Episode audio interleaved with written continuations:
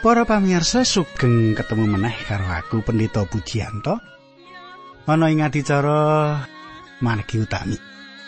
Kepiye kabare panjenengan kabeh apa panjenengan apik-apik lan diberkahi karo Gusti Allah? Mengkono. Pandung aku sakonto saka batu panjenengan tansah binerkan karo Gusti, paringan bagas waras, murah rezeki, mengkono. Nek wis keluberan rezeki aja lali karo aku. Katangku kang dak tresnani, kaya padatan adicara iki tak aturake kagem panjenengan kabeh sing remen gegilut lan sinau isining kitab suci. Panjenengan ngerti saben-saben aku ngaturake isine jangkep runtut berprasaja manut urutane ayat lan pasal saka kitab suci kita iki kang meratelake meh saben ayat kala-kala kanthi nyambungake karo panemune ngilmu kasunyatan sarta kahanan urip pedinan panjenengan Toto Kasukman. Nah, ayo nyerak karo aku kini sugeng midhangetake adicara iki.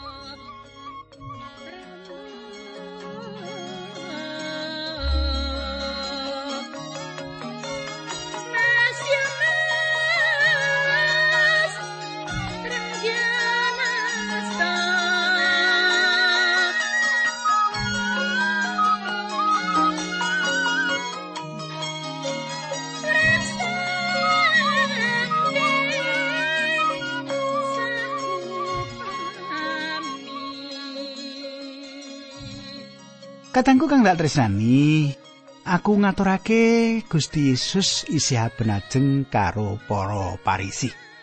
Gusti Yesus isih abenajeng karo wong-wong parisi. Nanging sadurunge tak terusake kita ndedonga dhisik. Lan ndongake para pamireng sing kirim surat karo aku. Salah sijine yaiku Pak Sukamto. Pak Sukamto kirim surat ngaturake panuwun menawa adicara iki mbangun imani. Pengalaman-pengalaman sing ditampa saka adicara iki didumake karo tangga teparo, karo kanca-kanca ngono. Matur nuwun Pak Sukamto. Panjenengan nyandi sinau angge gilit kalian kula menapa ingkang dados berkah panjenengan panjenengan luntak-luntakaken dumateng tiang sanes menika sae Pak Sukamto. Nah katangku ayo kita ndedonga sesarengan. Kanjeng Rama ing swarga kawula ngaturaken gunging panuwun menawi kawula ing wanci menika saged tetunggilan kalian sedherek-sedherek kawula. Mliginipun kawula ndongaaken Pak Sukamto ingkang kintun serat lan rumaosipun berkahi kalian Gusti awit adicara margi utami menika. Kawula nyuwun supados mboten namung Pak Sukamto piyambak sanak kateng kawula ingkang wonten ngajengipun radio menika supados paduka ugi berkahi. Kawula nyuwun tuntunanipun Gusti linambaran asmanipun Gusti kawula Yesus Kristus kawula ndedonga. Haleluya. Amin.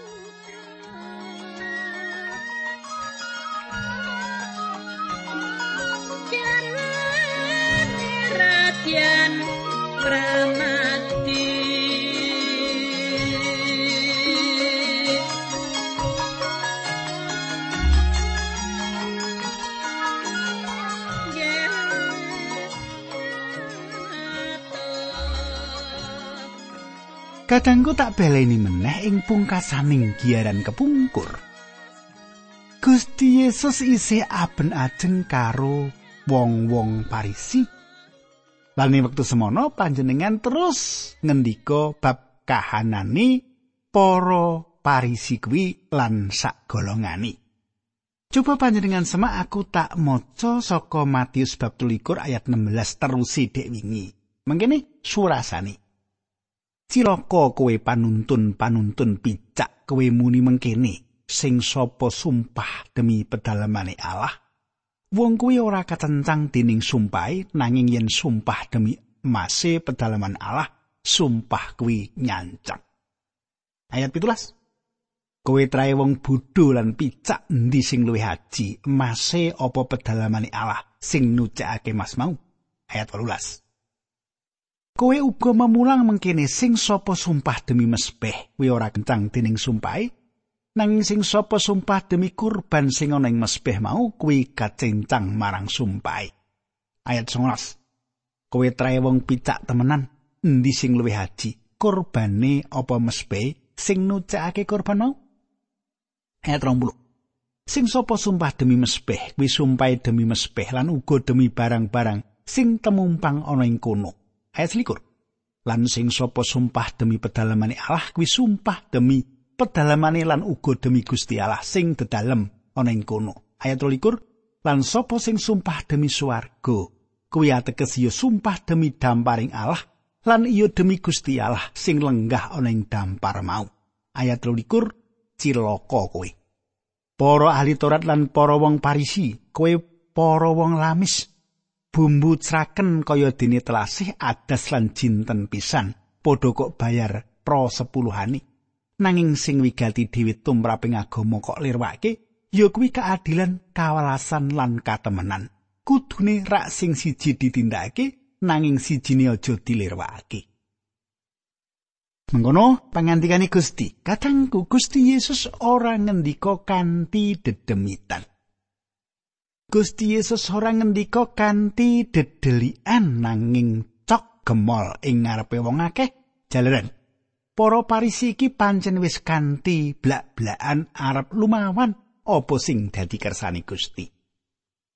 Nuli diteruske meneh pangandikane Gusti kanthi cetha welo-welo. Panjenengan kateke ayat 13 telulikur. Ciloko kowe para ahli Taurat lan para wong Farisi, kowe para wong lamis. Bumbu craken kaya dene telasih, adas lan jinten pisan, padha kok bayar pro sepuluhani. Nanging sing wigati dhewe tumraping agama kok lirwakake ya kuwi keadilan, kawelasan lan katemenan.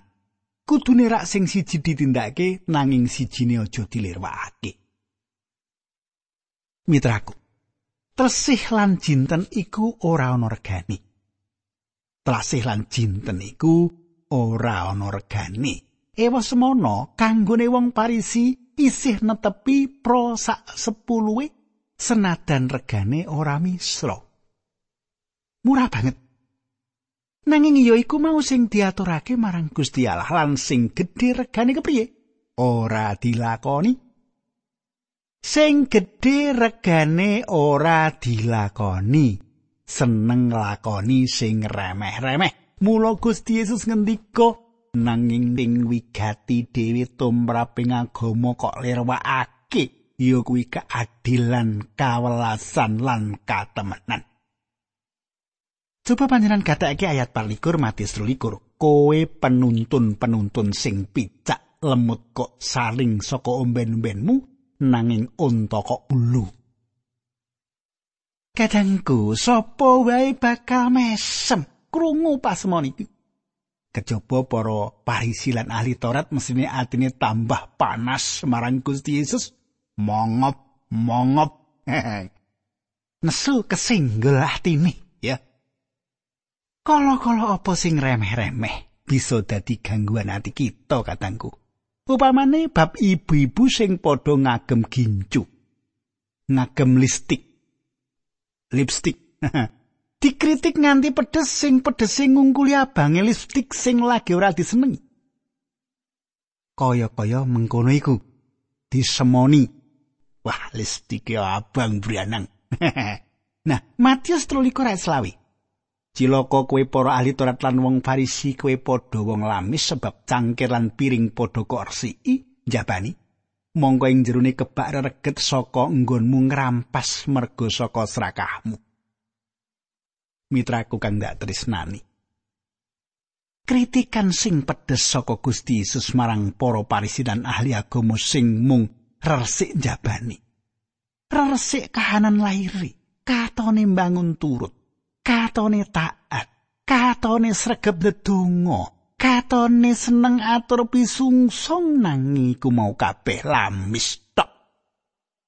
Mburu pangalembono liyan, mburu aleme wong liya mung diresiki jabane wae. Tak teruske ayat 6 Kowe wong Farisi sing picak, resik ana dhisik jerone cangkir lan piring-piring kuwi supaya njabane iya bisa dadi resik. Kadangku karesikane ati lan batin dening kanugrahane Gusti luwih utama ketimbang resike tata lahir. Resike batin mahanani resike lahir, nanging resike lahir durung mesti mahanani resike batin. Para koruptor sandangane sarwapik parfume larang lan tumpakane mobil sing larang regani. Nanging tumindake tumindake piye? Tumindake bejat. Para parisilan ahli agama nalika iku kaya kuburan sing diwangun kanthi edi lan dipulas nyeng semake ati. Nanging jerone ambune badek banget tur isine balung-balung. Jerone ambune badek lan banger isine balung-balung. Ayat 17. Cilaka kowe para ahli Taurat lan wong Farisi, kowe padha wong lamis sebab kowe padha kaya kuburan sing dilabur putih. Saka njaba pancen katon apik nanging jerone kebak balunge wong mati sing wis bosok kabeh. Ayat 22. Mengkono uga kowe, saka njaba kowe katon mursid nanging jeroning batinmu kebak lalamis lan duraka. Kadangku. Ces pleng ngendikane. jos pleng ngendikane katone mursid atine ngandhut senjata lungit landhep tajam ayat 29 cilaka kowe para ahli Taurat lan wong Farisi kowe wong lamis kowe padha mbangun pesareane para nabi lan ngrenggo tugu pangeling-elingi para wong mursid ayat 30 lan kowe padha muni saupama aku urip nalika jamane para luhurku Aku mesti ora padha melu mateni para nabi. Ayat 31. Dadine kowe dhewe padha ngakoni yen kowe kuwi padha turune wong-wong sing padha mateni nabi-nabi. Ayat 32. Yen mengkono, terusno lan kebak ana sundukane dosa-dosane para leluhurmu kuwi. Sumitraku akeh para peladusi Allah ing nalika jamane dicecenges, diremehno, diasoke, dipisuwi malah ana sing dianiaya. Nanging ing jaman saiki senadan wis padha sedo asmane banget kinormatan. Kaya to spergon mode tore kiai sadrak kiai dasimah lan liya-liyane nanging wewatekane manungsa umumé tetep padha ana kalane muji-muji para pemimpin agamani nanging wektu liyane bisa dadi dalane pati para pemimpin mau. Mula Gusti Yesus ngendika yen para parisi lan sak golongane wong-wong lamis. Kawastanan wong-wong lamis. Kanthi soro Gusti ngendika marang para parisi mau ayat 33 bab 23 Injil Matius. Kowe padha wong goroh lan trae wong goroh ulo bedudak kepriye nggonmu bisa ngoncati paukumane neraka? Kadangku trae wong goroh. Ing panjarwalya unine eh kowe keturunane ula bedudak kadangku kiraku ora ana ukara sing luwih kasar ketimbang ukara mau keturunane ula bedudak tegese anake ula bedudak ula iku bapakne para wong goroh apus-apus sing sapa. Nindakake pegaweane kanthi goroh ya iku keturunane ula bedudak lan ora nampani sih rahmate Allah ing salebeti Yesus Kristus. Amung kanthi mratobat lan nampani si Kristus lagi bisa nampani tentrem rahayu lan urip langgeng saka Sang Kristus.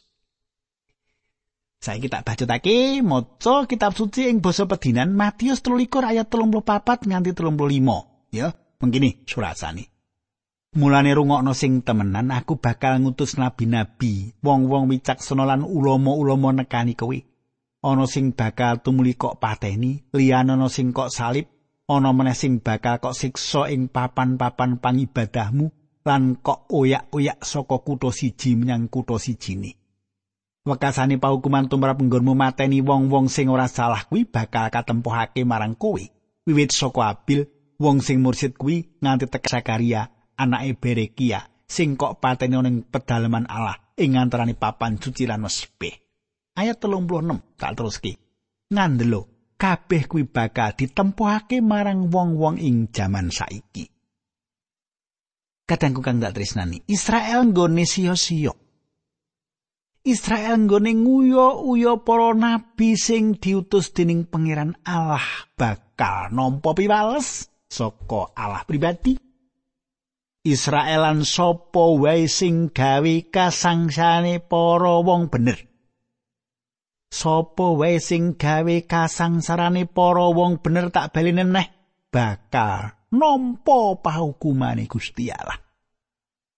Sopo sing nandur bakal ngunduh lan sing nyilih bakal mbalekake. Nalika iku Gusti Yesus ngendika bab remu ing Yerusalem, kutha sucine bangsa Israel sing nampani piwales nggone sia-sia lan nganiaya para utusane Allah.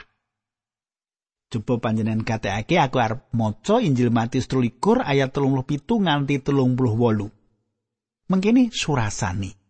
Yerusalem, Yerusalem, kowe wis mateni nabi-nabi. lan benturi watu para utusane sing diututi Allah nemoni kowe. Wis nganti ping pira nggonku kepengin nglumpukake anak-anakmu kaya babon nggone nglumpukake kutuk-kutuke ing sangisoring swiwine nanging kowe padha ora gelem. Titenono omahmu iki bakal ditinggal suwung lan dadi sepi. Mitraku, Senajan Gusti Yesus ditampik rawuhe ing Yerusalem nanging panjenengane muwun kanggo Yerusalem. Jalaran apa? Jalaran katresnane marang Yerusalem. Awet tresnane Gusti Yesus muwun nangisi Yerusalem. Jalaran apa? Jalaran perso paukuman sing bakal nempo Yerusalem iku abot. Mula Gusti muwun kanggo Yerusalem. Senajan Gusti Yesus paring panyendu Yerusalem nanging sejatine luluh penggali.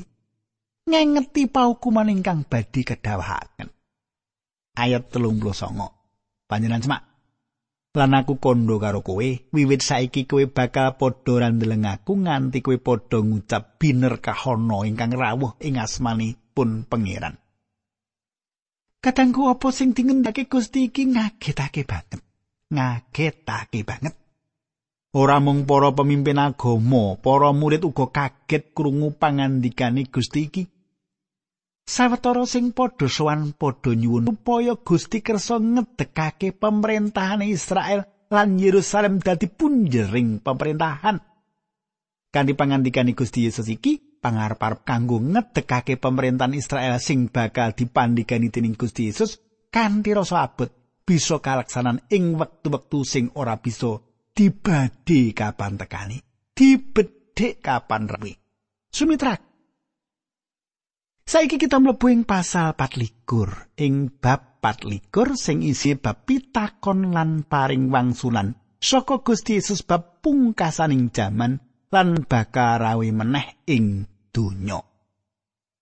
Tak beleni bab 24 iki isine bab pitakon lan paring wangsulane saka Gusti Yesus bab pungkasaning jaman.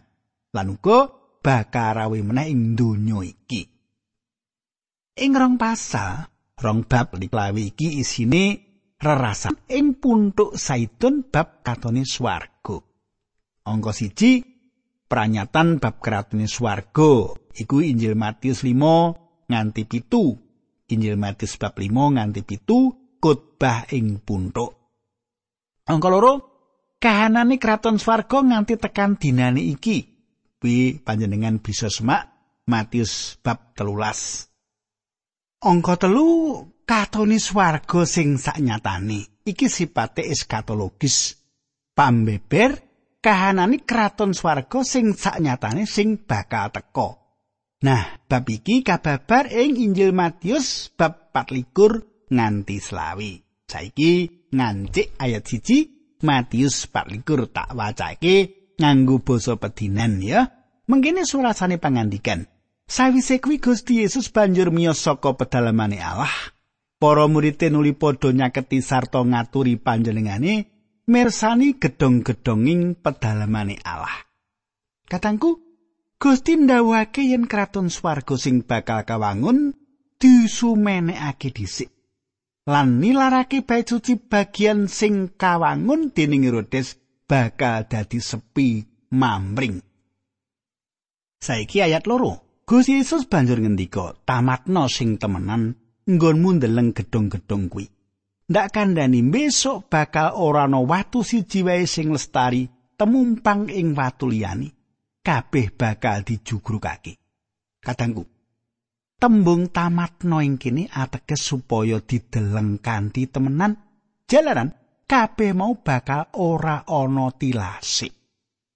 Ora mung wewangunan bait suci sing bakal dijugrukake, nanging kabeh saisine donya bakal lebur tanpa dadi ing mangsa pungkasane jaman besuke. Gedhong-gedhong dhuwur, kastil, kraton, villa lan apa wae kabeh bakal lebur ing titi mangsane rawe Allah nalika paring paukuman.